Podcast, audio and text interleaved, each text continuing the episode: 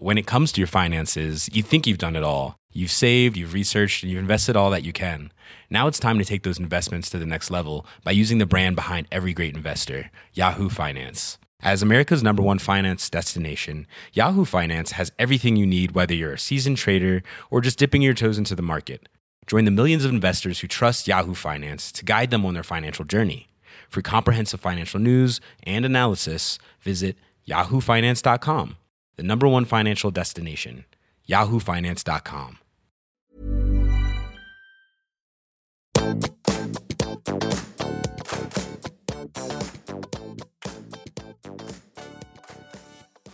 Hei, alle sammen, og velkommen tilbake til podkasten Karriereveiledning med Elaine. Ukens tematikk den er velkjent for mange. Det er bare det at vi snakker ikke så veldig høyt om det, eller veldig ofte om det. Det kan være at du har snakket med noen du bryr deg om, noen du stoler på, men jeg regner med at dette er ikke noe du går rundt og eh, hvelver ut både her og der, nemlig dette med å være syk. Eh, det er ikke alltid det passer å være borte fra jobben, og det gjelder ikke bare sykdom, det kan være ved død, ikke din egen, men andres, som står deg nær. Det kan være ved samlivsbrudd, som jeg selv sto i i fjor. Det er ikke bare bare å gå på jobb og skulle prestere i hytte og gevær. Og dette her handler selvfølgelig også om karrierehelse. Og ukens episode den er selvfølgelig som vanlig basert på tilbakemeldinger fra dere som lytter, som sender mail, som spør om ting, og som jeg møter i veiledning. Og ikke minst er det også basert på egne erfaringer, tanker, følelser og refleksjoner som har gjort meg gjennom et snart 40 år gammelt, ungt, langt liv. Um, på Instagram så stilte jeg spørsmålet hva er det som gjør at ikke det passer å være borte fra jobben? Og noe av det som kom opp, og det har kommet ekstremt mange tilbakemeldinger. Mye av dette her handler om barn. Det å få barn, det passer dårlig, for det betyr at A, du må ta permisjon. Da var det en som skrev jeg går glipp av forfremmelser, jeg går glipp av muligheter. Eh, når jeg kommer tilbake, så føler jeg at eh, ting har forandra seg. Eh, det å skulle få et barn til, det er sånn Oi, skal du være borte igjen? Det passer liksom aldri helt. Særlig dette også med å skulle bli syk, og da var det snakk om både mental helse, angst, depresjon, uro, søvnvansker var noe som gikk igjen. Hvor utrolig pesete det er å prøve å forklare at du har sovet dårlig, så du er litt sånn eh, gåens, det gjør vanskelig å prestere på jobben. Og ikke minst da, som jeg nevnte, altså at livet skjer, og det er mye vi ikke kan planlegge for. Og hva skal en gjøre, da? Skal en eh, være borte, bli sykemeldt, komme tilbake på jobb før en burde. For det er det som er kjernen i nettopp det mange av dere har skrevet inn og rett og slett eh, sendt meg meldinger og mail om. Poenget her er hvorfor er det så vanskelig å være borte fra jobben fra mange av oss? Handler det om evnen din til å skulle prestere? Handler det om opplevelsen av verdi du får gjennom å være en del av fellesskapet? Og det som også kom fram, og dette har jeg sett i veiledning over mange år, det er at den belaster plutselig andre. Så hvorfor det er så vanskelig å være borte, det handler om oi, du, da må kollegaene mine ta arbeidsoppgavene mine. Da må arbeidsgruppa klare seg uten meg. Da må gruppa ta over. Da må man finne en eller annen løsning eller få inn noen. Og ikke minst, hva tenker lederen min om meg? Så jeg har i hvert fall tenkt at dette her kan jo deles opp i ulike kategorier, og det ene handler jo om din opplevelse av det å være borte. Og nummer to handler om den faktiske opplevelsen andre har at du er borte. fordi veldig ofte så tenker vi jo hva alle andre tenker om oss. Så vi tenker hva lederen tenker, vi tenker hva arbeidsgruppa tenker, vi tenker hva kollegaene tenker, og vi tenker alt vi går glipp av, eller at oh, de sitter og snakker om oss. Og så er det ikke alltid vi klarer å skille fakta og følelser, eller fakta og fantasi. Så hva er det du sitter og føler og tenker på? Hva er det som faktisk blir kommunisert av lederen din eller arbeidsgruppa?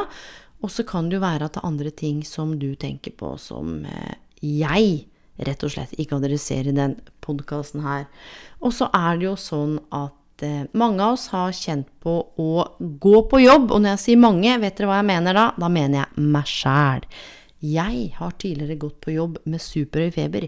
Jeg har gått på feber og starta jobbe før sykemeldingen gikk ut. Jeg opererte kul, opererte en kul på halsen i 2009 eller 2010. Og da skulle jeg vært sykemeldt i tre uker, men jeg var tilbake uka etterpå. Og du, dette her var i de hine hårde dager hvor jeg likte å få kortisol intravenøst, for stress var lik mm, Da var jeg i mitt ess, og jeg syntes det var skummelt med peace and quiet, fordi jeg var så vant til at det skjedde noe, og jeg ble også signifikant og viktig gjennom å komme på jobben. Og ikke gjennom å komme på jobb og si sånn åh, jeg er så syk, men å komme på jobb og levere. Så folk blei sånn oi, kommer du på jobb og så er du sjuk? Og så blei jeg sånn ja. Men sannheten var, det handla om FOMO, frykten for å gå glipp av, frykten for å havne bakpå, for det var ganske sånn knallhard måling på resultater.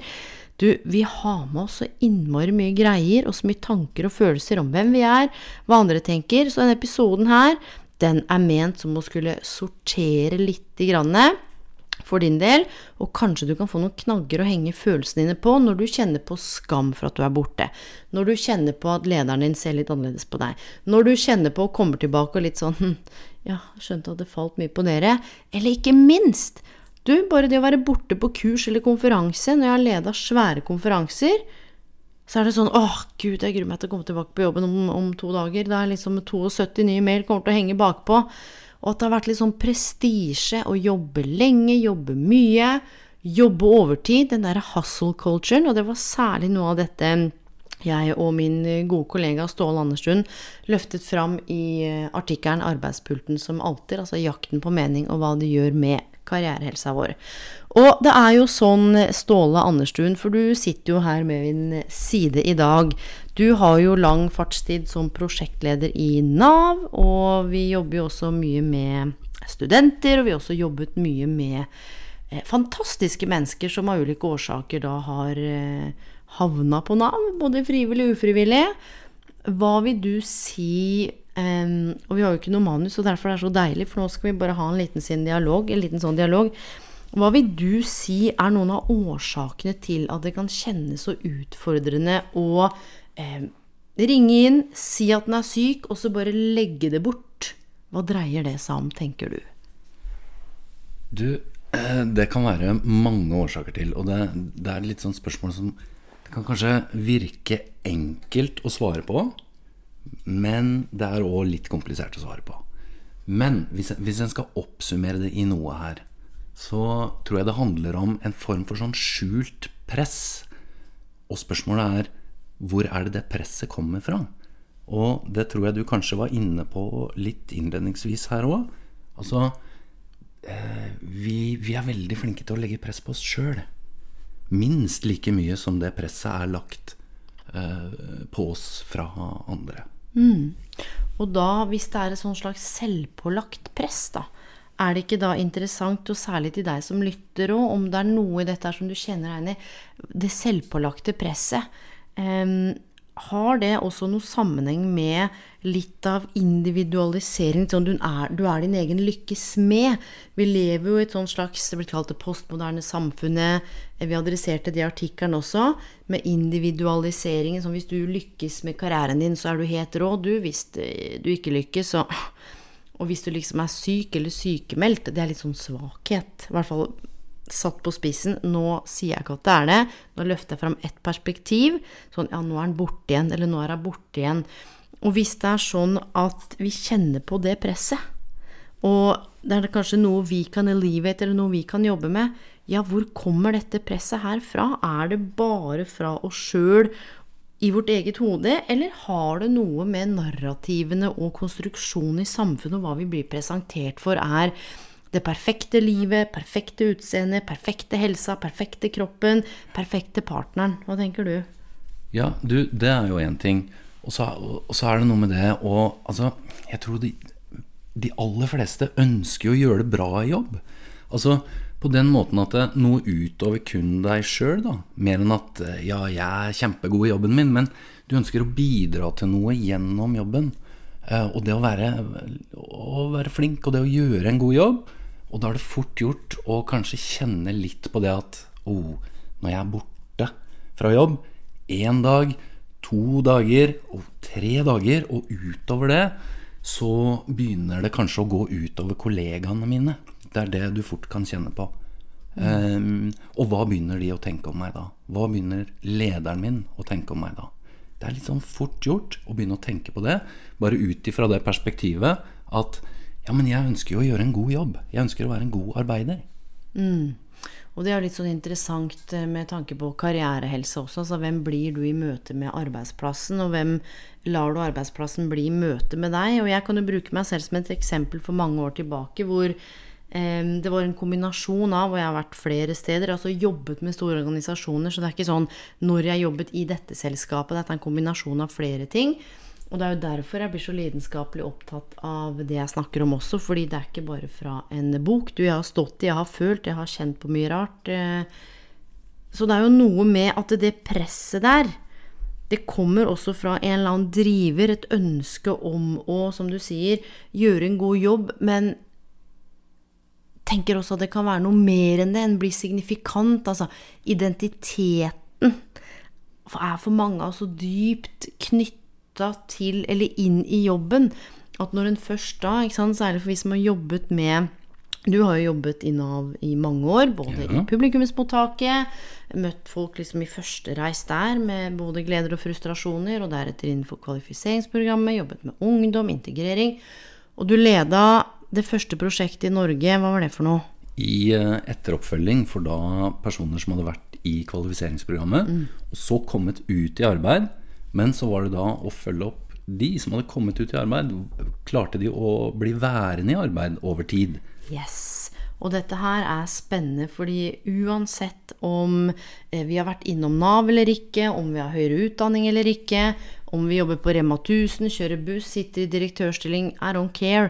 Du, we're all human beings. Vi er opptatt av å ha et godt liv. Vi er opptatt av å ha det bra. Vi har ønsker, håp og drømmer.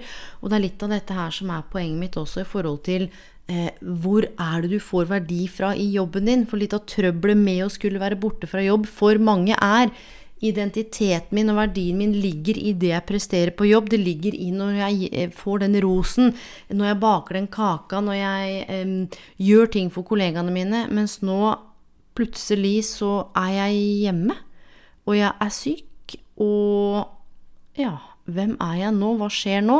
Og nå snakker jeg ikke bare om én eller to dager, men hvis det blir til to eller tre uker. Så alt her har jo nyanser. Det ene er hvis du er borte en eller to dager, men kanskje det er to eller tre uker, og ikke minst hvis du er borte ni måneder eller seks måneder, et år i permisjon. Du, er du glemt eller ikke?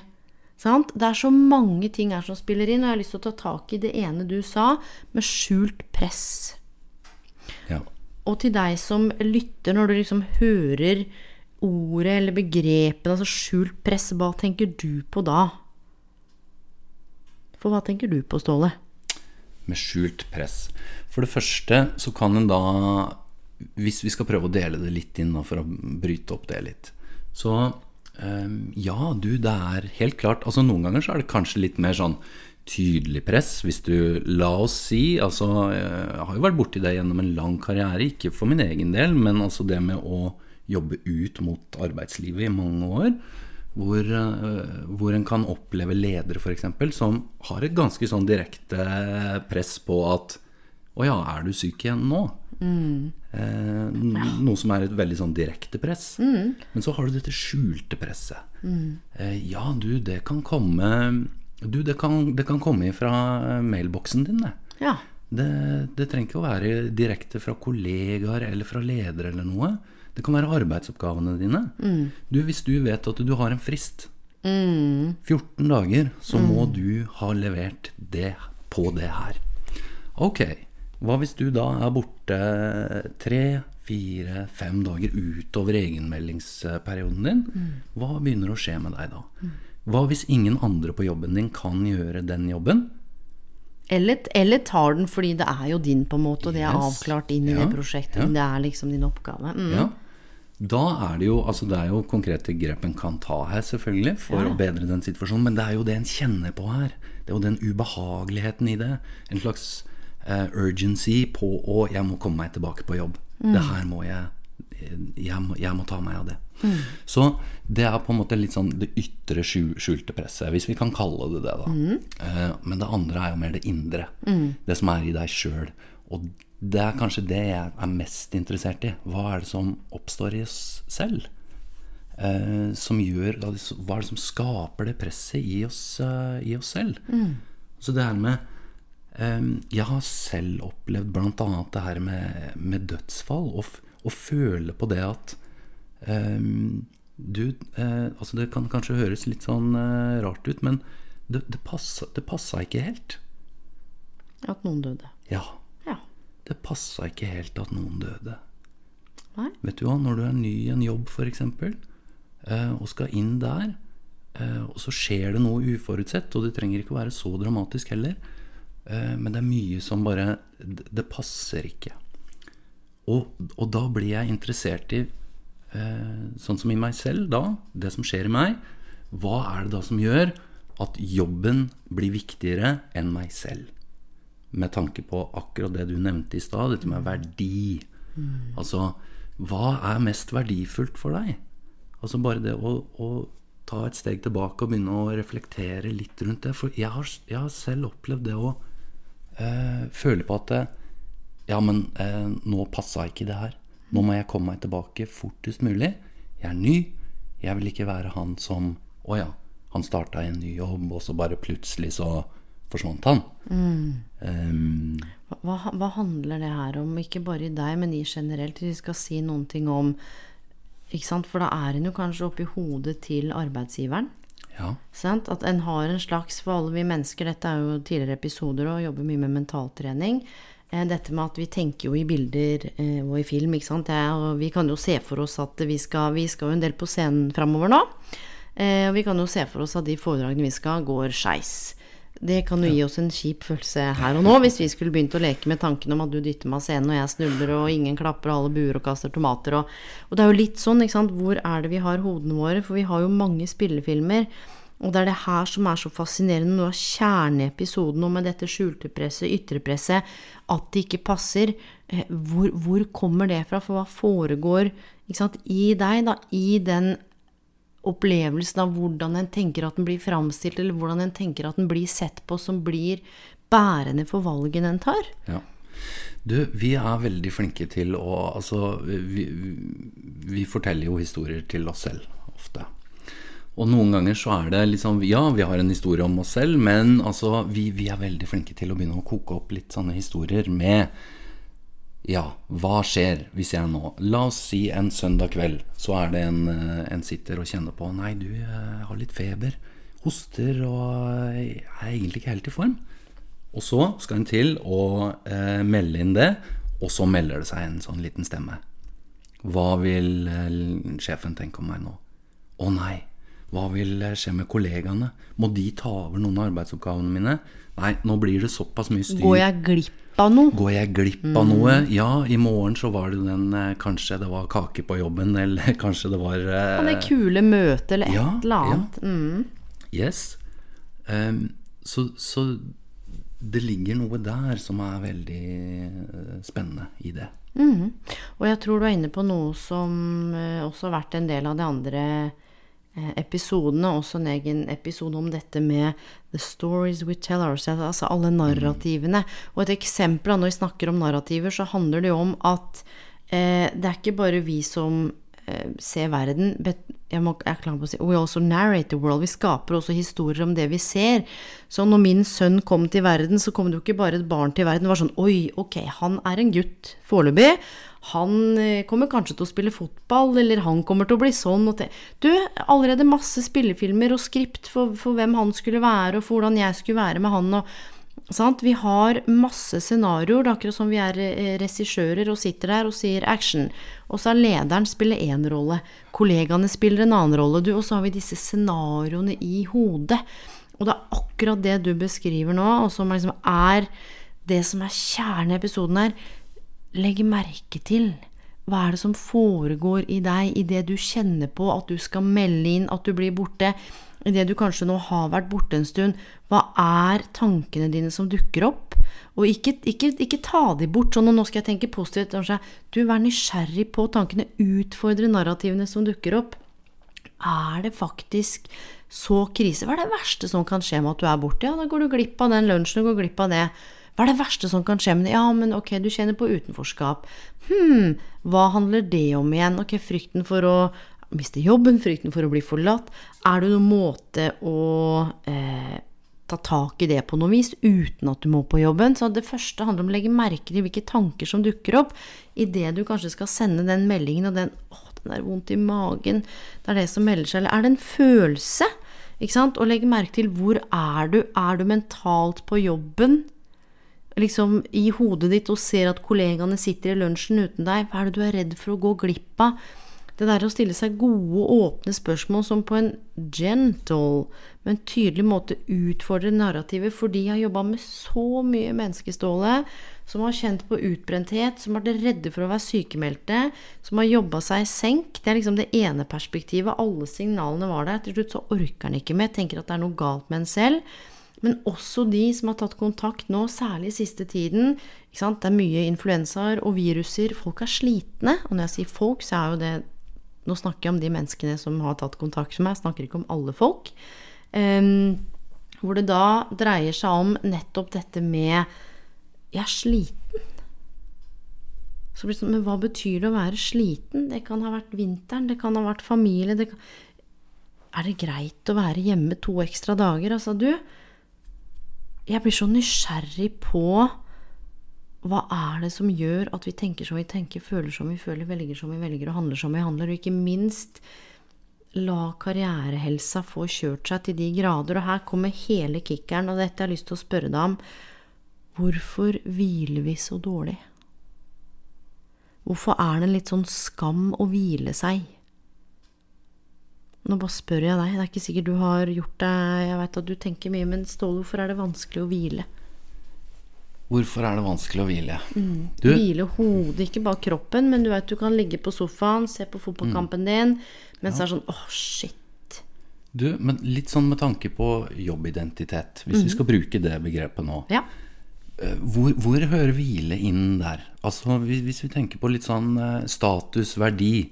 Når er det hvile blir nevnt i forbindelse med å gjøre suksess i karrieren, f.eks.? Du, det er et godt spørsmål. Det er veldig sjeldent. Der hvor hvile innenfor trening annet, da, hvis du ser på toppidrettsutøvere, der er hvile og restitusjon at the pinnacle. Der er det prestasjon og restitusjon mat. Mm? Mm. Toppidretten, ikke sant? stjernene som du snakka om her om dagen, som oh, det er de vi ser på, skulle ønske vi var som, ser på de. Vet du hva de gjør? De hviler, de.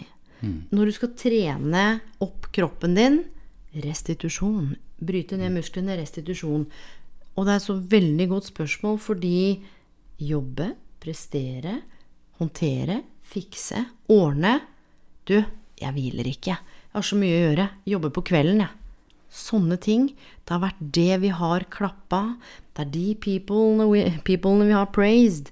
Og det er akkurat dette her som handler om den karrierehelsemodellen som nå også liksom er på trappene til å bli et verktøy hvor en av grunnpilarene innenfor den dimensjonen som handler om det fysiske, er jo nettopp hvordan hviler du?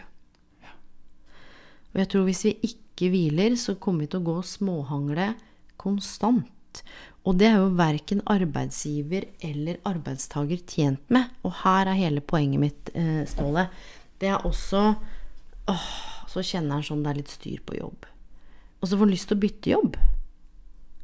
Og så er det sånn Uff, ok, ja. Og så bytter man jobb. Gjett hva som skjer. Man drar med seg det samme mønsteret fra jobben man var i, mm. til den nye jobben. Så hvis du har holdt på å jobbe mye, vært redd for å være borte, få med alle de tingene vi har snakka om Det er jo ikke sånn at det bare blir borte i den andre jobben. Nei. Vet du når ting ofte endrer seg? Det er når folk virkelig har gått på en smell og må mm. revurdere jobben, helsa, kostholdet. Da er det sånn Kanskje jeg ikke skal jobbe så mye. Kanskje jeg skal lytte til kroppens signaler. Mm. Og det her er jo sinnssykt viktig, og nå av kjernen nå. Det å våge å lytte innover. Kjenne etter i det du skal sende den meldingen til lederen, eller gi den beskjeden Hva er det jeg trenger akkurat nå? Hva er det som gir meg mening akkurat nå? Du, jeg tror det handler om nettopp det å ta deg selv på alvor inn i det her. Det ja. er veldig viktig. På hvilken måte da? Du eh, lytte til hva er riktig og viktig for meg, som du er veldig flink til å, å, å snakke om, Elaine. Um, og, og, og, rett og slett bare ta det på alvor. Du, det, det vi var inne på tidligere, dette her med hva er det som gjør at vi i dagens samfunn setter jobben så høyt at den er viktigere enn oss selv?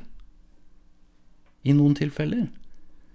Og jeg lurer også på litt sånn eh, med å Altså, fordi ved sykdom Nå har vi snakka en del om sykdom, men jeg syns jo det er veldig interessant dette her med hjemmekontor. Du, vi har vært igjennom en pandemi. The world has changed. Det, er, det er en litt ny verden. Og vi har jo eh, hørt om blant sant, unge de, de ser for seg en litt annen jobbhverdag fremover. Men, Ja. ikke, men det her begrenser seg ikke bare til unge. Nei, nei. Men hvor, er, hvor flinke er vi til å kanskje spørre om å, å ta en dag eller to på hjemmekontor? Apropos dette her med hvile. Ikke at man skal ligge på sofaen når man er, på Mhm. Nei, hjemmekontor. men, men dette her berører nettopp en av de andre eh, leddene i karrierehelsemodellen. Omgivelsene dine. And the commute. Må du reise 45 minutter med bussen, kaste unga ut døra. Hva hvis du kunne stå opp og logge deg på klokka ni, da? Men at du kunne stå opp, ta den rolige kaffen, klemme partneren din, gå den turen, dra på treningssenteret. Du, Apropos, ikke sant? og det er det som er hele poenget med den modellen, her, hvordan ting henger sammen. Så hvis du får den dagen med hjemmekontor, den roen og fleksibiliteten Du, jeg tror mange ledere er redd for å miste kontroll, miste grepet, ikke helt vite hva som foregår. Man har vært vant til at alle har vært samla.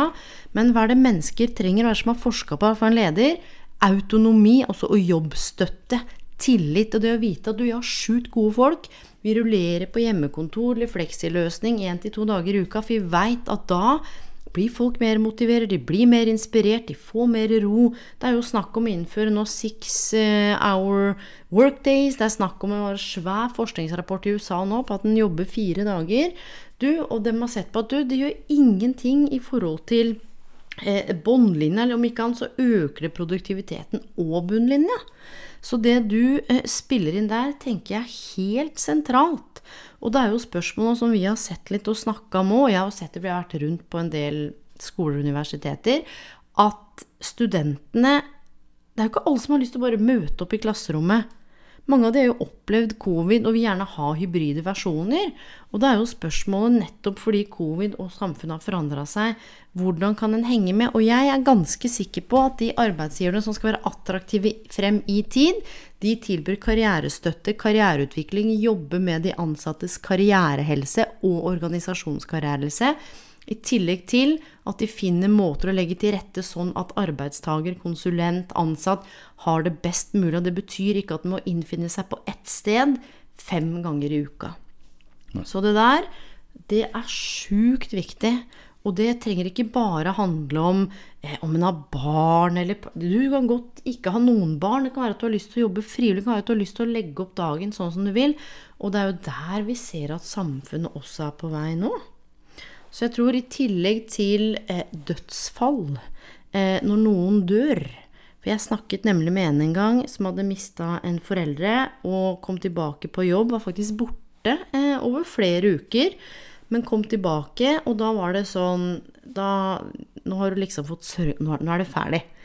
Eh, og da var det sånn ja, og det hun sa til meg dette, Jeg har fått lov til å dele men sammen med navn og sånn. Jobba en stund sammen, og hun sa det. Eh, og der var det jo snakk om eh, karrierestøtte. Fordi hvordan skal jeg stå i jobb og håndtere sorg? Eh, fordi hun bare ville at noen skulle spørre. Men folk tenkte jo at jeg ville jo ikke spørre, fordi skal jeg drive og rippe opp i det på jobben og drive og grine, og du, nå er vi på jobb. Så kom måned til fem, og til slutt sykemeldt. Og det er jo derfor vi endte opp med å jobbe sammen. Sykemeldt, sorg.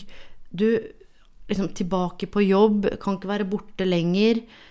Hvordan skal han for, liksom forholde seg til det også, da? Skal, skal han si sånn Du, nei, nå er, det, nå er jeg lei meg i to dager, jeg, så jeg er borte. Eller sånn, du. jeg har stått i et samlivsbrudd. Du, jeg kjenner at eh, kompleksiteten av å se sønnen min annenhver uke Sometimes it's killing me. Og jeg satt på et stabsmøte på Universitetet i Oslo, jeg er snart 40 år. Jeg kjente jeg hadde lyst til å begynne å grine helt ut av det blå. Jeg kjenner når jeg snakker om det nå at det gjør noe med meg. Hvor skal jeg gjøre av det? Nå snakker jeg på egne vegne. Skal jeg rekke opp hånda og si du, jeg hører vi snakker om en viktig sak. Jeg bryr meg ikke så mye om akkurat den saken, nå, fordi jeg savner barnet mitt. Jeg kommer ikke til å se han på fem dager. Ja, det er et fint brudd, og vi møtes to ganger i uka, i relasjon til barnefar Du, det er noe så fucked up med å gi fra seg Det, det er sånn kompleks sorg, folkens. Jeg klarer ikke å forklare det engang. Og plutselig så kan den slå meg, sånn at jeg får lyst til å bare gå hjem. Men det er jo litt spesielt å si sånn, du eh, Jeg kjenner på sånn kompleks sorg, for jeg savner barnet mitt. Jeg går hjem, jeg. Kan ikke noen bare ta resten av karriereledningen min og forelesningen? En gjør jo ikke det. Nei, hvordan, hvordan løste du den eh, situasjonen, ho, det er det som er livsfarlig med ham på podkasten som stiller meg spørsmål. I love it. Du, akkurat den situasjonen der, den løste jeg med å bare Du, jeg bare satt med den følelsen. Jeg husker akkurat hvordan jeg satt, og jeg kjente det kom en sånn tåre. Og noen drev og snakka om noe, du er bare fada ut helt. Og så kjente jeg sånn Dette her er vondt, og det er vondt fordi jeg bryr meg sånn. Du, jeg bare satt og følte på det. Og så husker jeg at når det møtet var ferdig klokka ti, så gikk jeg på do, og så eh, kom det noen tårer. Og dette er veldig rart, fordi jeg er supervarm og sånn emosjonell, men jeg pleier ikke å sånn grine overalt. Og det har jo skjedd nå etter det bruddet, at jeg, sånn, jeg har veldig lettere tilgang til tårer. Um, du, og så skrev jeg i tre minutter bare, ikke på kontoret mitt, så skrev jeg ned det jeg følte. Og så samla jeg meg, og så hadde jeg en karriereveiledning. Du, og det ble en bra karriereveiledning, fordi da hadde jeg, la, jeg hadde, Men den var, den var Jeg var sår den dagen. Og jeg tror noe av det jeg kjenner på da, da har jeg ikke like mye rom for sånn bullshit.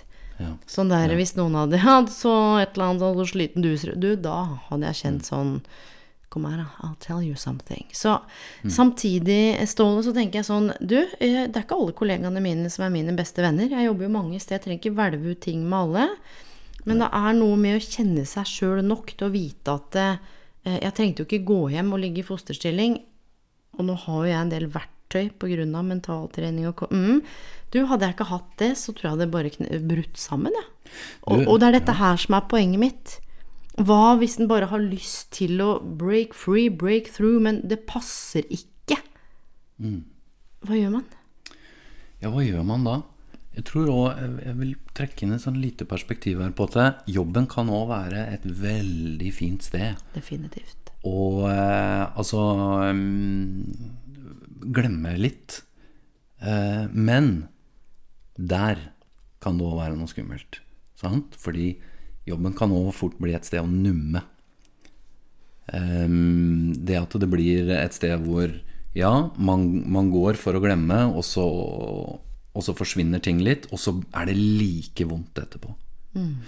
Eh, og, og, jeg tenker å trekke litt tilbake til det å være en eh, Eller altså å være en kollega med noen som har det vondt.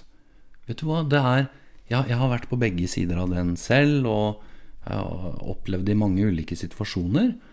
Ehm, vi, vi, vi er veldig flinke til å eh, bry oss i stillhet om andre. Og med det så mener jeg det at vi eh, Du, vi sender kanskje et litt sånn eh, empatisk blikk på avstand eller noe, men vi er ofte ikke så flinke til å kanskje bare gå bort og spørre Du, hvordan går det med deg? Hvordan, hvordan er det med deg i dag? Og, og det er litt sånn fordi vi, vi kjenner òg på at eh, ja, akkurat som du sa, vi, vi ønsker kanskje ikke å rippe opp i noe. Vi vet allerede. La oss si at eh, jeg hadde visst at eh, jeg hadde møtt deg på jobben, og jeg vet at du er i et samlivsbrudd. Vet du hva, Å gå bort til deg da, det kan føles veldig sånn privat og veldig sånn påtrengende. Akkurat som du sa, ikke sant. Ikke alle på jobben er dine beste venner. Eh, altså, og, og det ligger noe der også. Man, eh, man, man eh, ønsker å bry seg litt i stillhet, men det er òg fort gjort. Som mottaker, den som sitter og har det vondt, sitter jo da gjerne kanskje og bare Kan du ikke bare spørre meg hvordan jeg har det? Og, og vet du hva, et, et tips er her òg. Ikke bare sånn 'hvordan har du det', men du kjære Per eller Katrin eller Aman eller Du, hvordan har du det akkurat i dag?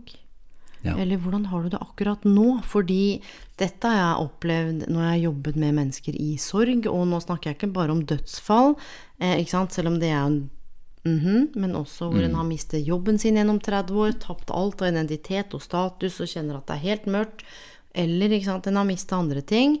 Og liksom der, hvordan har du det? Er sånn åh, Hvordan jeg har det? Det er så svært. Det er så mye. Veldig mye å gå inn i. Ja, men liksom sånn Du, hvordan har du det akkurat i dag? Eller du, hvordan har du det akkurat nå? For det kan en i hvert fall eh, access. Og si sånn, du, akkurat nå, så jeg er nå her. Og det er litt eh, tungt. Eh, og det går takk. Eller du, i dag så er det greit. Eller du, det har vært en skikkelig tøff morgen. Så det er én måte å i hvert fall kunne snevre det litt inn på. Så det er noe med det, kjære deg som lytter, som er kollega. Hvis du er bekymra for en kollega, hvis du lurer på hva du skal si, så kan det være bedre å spørre om akkurat det én gang, og så stole på at kollegaen din sier sånn Du, jeg har ikke noe lyst til å snakke om det, men tusen takk, jeg sier ifra. Så veit du, for vi er jo ikke tankelesere. Det er ingen som Sjefen din, f.eks., skjønner ikke at hvis du har drithøy feber, eller hvis du er skikkelig dårlig Hvis ikke du sier noe, med mindre du går rundt og men jeg må komme på jobben. Så jeg tror, for å begynne å runde av, så er jo hele poenget at for meg, fra et karriereveiledning, sånn profesjonelt karriereveiledningsperspektiv, eh, et coachingperspektiv, og du bringer jo også med deg både livsstil og coachingperspektivet inn her. Du bringer jo også med deg et karriereveiledningsfaglig perspektiv, men du bringer også med deg inn, og nå bare kaster jeg jo dette på tampen her, et religionshistorisk perspektiv inn. Ja. Em, og så er det ikke sånn nå skal du si hva slags religion er det greit å være syk, for det er helt sånn irrelevant, men kan du uh, på en eller annen måte gi oss noen overordna betraktninger om um, altså arbeid eller ikke, altså sykdom eller ikke, er, det, er dette her over hele fjøla? Er det, er det noe du har lyst til å si her som kan være en sånn oh, av interesse? Fra et religionsvitenskapelig perspektiv, Ja, eller, Eller et Ja. Du, jeg har lyst til å si noe som er fra et humanistisk perspektiv. Eh, som, som handler mer om det at vi eh, til alle tider, uansett om du går tilbake tusenvis av år og leser litteratur eller poe poesi eller hva det måtte være, så er det noen sånne fellesmenneskelige erfaringer som går over tid. Og dette her med å bry oss eh, veldig mye, eller tenke veldig mye på hva er det andre tenker om oss, eh, kontra det å bare lytte til oss selv og faktisk ta deg sjøl på alvor. Hva er det jeg trenger i dag? Hva er det jeg trenger akkurat nå? Ikke begynne å skyte det her frem i tid med liksom Ja, hvis jeg, hvis jeg sier at jeg er sjuk nå, hva skjer i morgen? Hva skjer dagen etterpå? Hva skjer om en uke? Akkurat nå trenger jeg hvile. Trenger jeg en dag borte fra jobben og glemme litt det disse tingene som egentlig bare blir en sånn fantasi, hva de andre tenker. Å nei, når jeg sier det, så, begynner, så setter lederen min i gang med noe, og kollegaene mine får masse å gjøre. Du, kanskje det går helt fint uten deg på jobb. Og kanskje kollegaene dine er sjukt takknemlige. Og nå kommer en sånn 'this is gonna hurt' for at du faktisk utviser en høy grad av, get this, selvrespekt. Egenomsorg. Du, vi kan ikke gi bort det vi ikke har. Du, det å ta seg selv på alvor, sånn som du beskriver fra det humanistiske perspektivet, det her handler om å exude, altså utvise selvrespekt. Og det betyr ikke at du har sju egenmeldinger annenhver uke, og at bare du kjenner at hårstrået ditt forflytter seg, så ligger du flatt ut. Det er ikke det som er poenget. Poenget er å gjøre det tydelig for deg sjøl at du er av verdi. På den måten så vil andre ha en opplevelse at du er av verdi, og jeg skal si deg en ting som jeg gjennom 15 år har tatt med meg, særlig på arbeidsplassen. Du, din opplevelse av verdi står direkte i, eh, i relasjon til hvordan andre opplever at du er av verdi. Om du kan tråkkes over, om du kan lesses på med arbeidsoppgaver, om det er sånn grenseløst. Sett grenser for deg sjøl. Se for deg selv ett år frem i tid. Fjerde eh, whatever dato, 2024 eller 25, hva vil fremtidig deg takke deg for at du gjorde nå? Og dette her må en øve på på lik linje som å si nei. Det passer ikke i dag. Beklager, jeg kan ikke ta den ekstra arbeidsoppgaven. Du, vet du hva, jeg får ikke til å bake den kaka. Du trenger ikke forsvare eller forklare hvorfor du setter grenser. Det er klart du må kanskje gi en liten sånn eh, ha en liten dialog med lederen. Du trenger ikke legge ut om noen ting. Blir du sykemeldt, så har ikke lederen din rett til innsyn i hva det dreier seg om heller. Det er veldig viktig å si. Og Du skal heller ikke ringes i hytt og pine. Det er helt klare, tydelige regler i arbeidsmiljøloven for deg som lurer på det, som ivaretar deg som arbeidstaker også når du er syk. Så ingen telefoner om sånn Du, det er Gunnar her fra corporate og lederen din, eller fra the government. Bare lurer på, kommer du snart tilbake, eller? Hva er det egentlig noe med deg? Det er ikke lov. Nei. Det er sjukt viktig, fordi en blir litt sånn ja, gud. Og hvis du veit at ikke du kommer på onsdag eller på fredagen, så ikke si du jeg, jeg, skal, jeg skal prøve å komme. Vær tydelig i kommunikasjonen din. Akkurat som du sier, opplevelsen av verdi. Vi lar ingen andre behandle oss dårligere enn når vi er villige til å behandle oss sjøl dårlig. You do not get what you deserve, you get what you tolerate. Så, fra og med i dag, hvis du kjenner at du ikke er i form, og dette handler ikke om å sykemelde seg hytt og pinne blir borte, ta helsa di på alvor, ta karrierehelsa di på alvor. Flere av dere skal jobbe i mange, mange år, kanskje ta flere utdanninger, kanskje bytte jobb, kanskje håndtere komplekse situasjoner, møte sorg, møte samlivsbrudd, ta vare på barna dine, jobbe frivillig. Du, karriere og jobb kan ikke ses på som isolert fra andre arenaer i livet. Så det å snu kameraet innover, stole på at du kjenner kroppen din, lytte til signalene, skille hva som er ytre press og indre press, som du var inne på i stad, Ståle, det tenker jeg er helt sentralt her. Hva er det du tror du belaster andre med, og hva er det du faktisk belaster andre med? Og med det så lurer jeg på, er det noen ord du har lyst til å si avslutningsvis, eller føler du at du liksom har Fått, fordelt fra eh, hjertet? Du- Fått, ta, fått taletid? Jeg har fått uh, bra med taletid. Du, det er nettopp det du sier. Um, lytt til deg selv, og det her med Bare tenk igjennom neste gang du er i den situasjonen. Hva setter du høyest her? Med tanke på verdi. Er jobben viktigere, eller er det jeg som er viktigst akkurat i dag? Du, og det her bringer meg til det aller, aller, aller siste punktet. Det er faktisk eh, til deg som har barn. Så er du et forbilde. Hvis du vil at barnet ditt skal lære seg å kjede seg, skal lære seg å hvile, slappe av med en bok, lære seg å roe ned nervesystemet så det ikke er i beredskap pluss 45, så må du, nå sier jeg må, det aldri, men du må modellere det. Du kan ikke si til barnet at du, du har godt av å kjede deg, mens du løper rundt og fake-rester, aldri tar fri, eh, stresser rundt, lager middag, rydder du. Vis barna dine hva det vil si å hvile. Vis familien din, vis vennene dine, sett grenser. Vis hva det vil si for deg å ha selvrespekt og utvise egenomsorg. Jeg skal love deg, da kommer alle de andre delene i karrierehelsemodellen som mening, håp og fremtidstro, overbevisninger, stresshåndtering, du og flere av de til å kneppe på plass. Og med det, mine venner, tusen takk for at du har hatt oss på øret. Takk for alle fantastiske tilbakemeldinger på episoden som du var med på et par ganger før dette, Ståle. Artikkelen vår ligger ute, Arbeidspulten som alltid, jakten på mening, hva du gjør med karrierehelsa. Du finnes jo på LinkedIn. Eh, Det gjør. Det gjør du. Ja. Og ja, Vi, det kommer også snart mer fra oss. Vi har flere planer med um, artikler. Ja, det har vi jo. Ikke minst så kommer det jo en bok om karrierehelse. Så det kommer også en Facebook-side, og der kan dere etter hvert eh, få lov til å joine. Der kommer det til å komme videoer, content og ting som eh, nettopp gjør, som slagord i karrierehelse er, altså visjonen, skaper morgendagens arbeidsliv.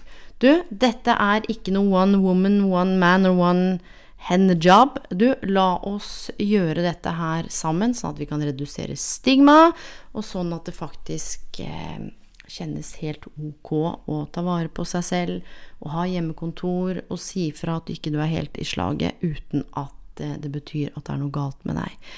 For min kjære venn, det skal jeg love deg, det er det ikke. Det er ingen andre i verden som er akkurat som deg, med dine fantastiske kombinasjoner, med din stemme, tanke, følelser, meninger.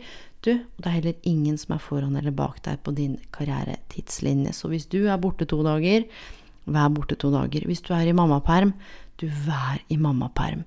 Jeg skal love deg, hvis det er en dør som lukkes, så er det en eller annen som kommer til å åpnes. You're on your path. Da var ikke den døra som ble lukket igjen, ment for deg. Stol på det. Du, fortsett å skrive, syng, send ting. Jeg leser alt. Og på gjenhør og Ståle, takk for kloke, viktige refleksjoner som vanlig. Du er vel kanskje med som gjest en annen gang, eller? Jeg blir veldig gjerne med som eh, gjest på den eh, fantastiske podkasten din. Så takk for det, Elaine. Mm, bare hyggelig. På gjensyn hvor enn du er eh, i verden. God kveld, eh, god natt, god morgen, god formiddag, god ettermiddag, og på gjenhør.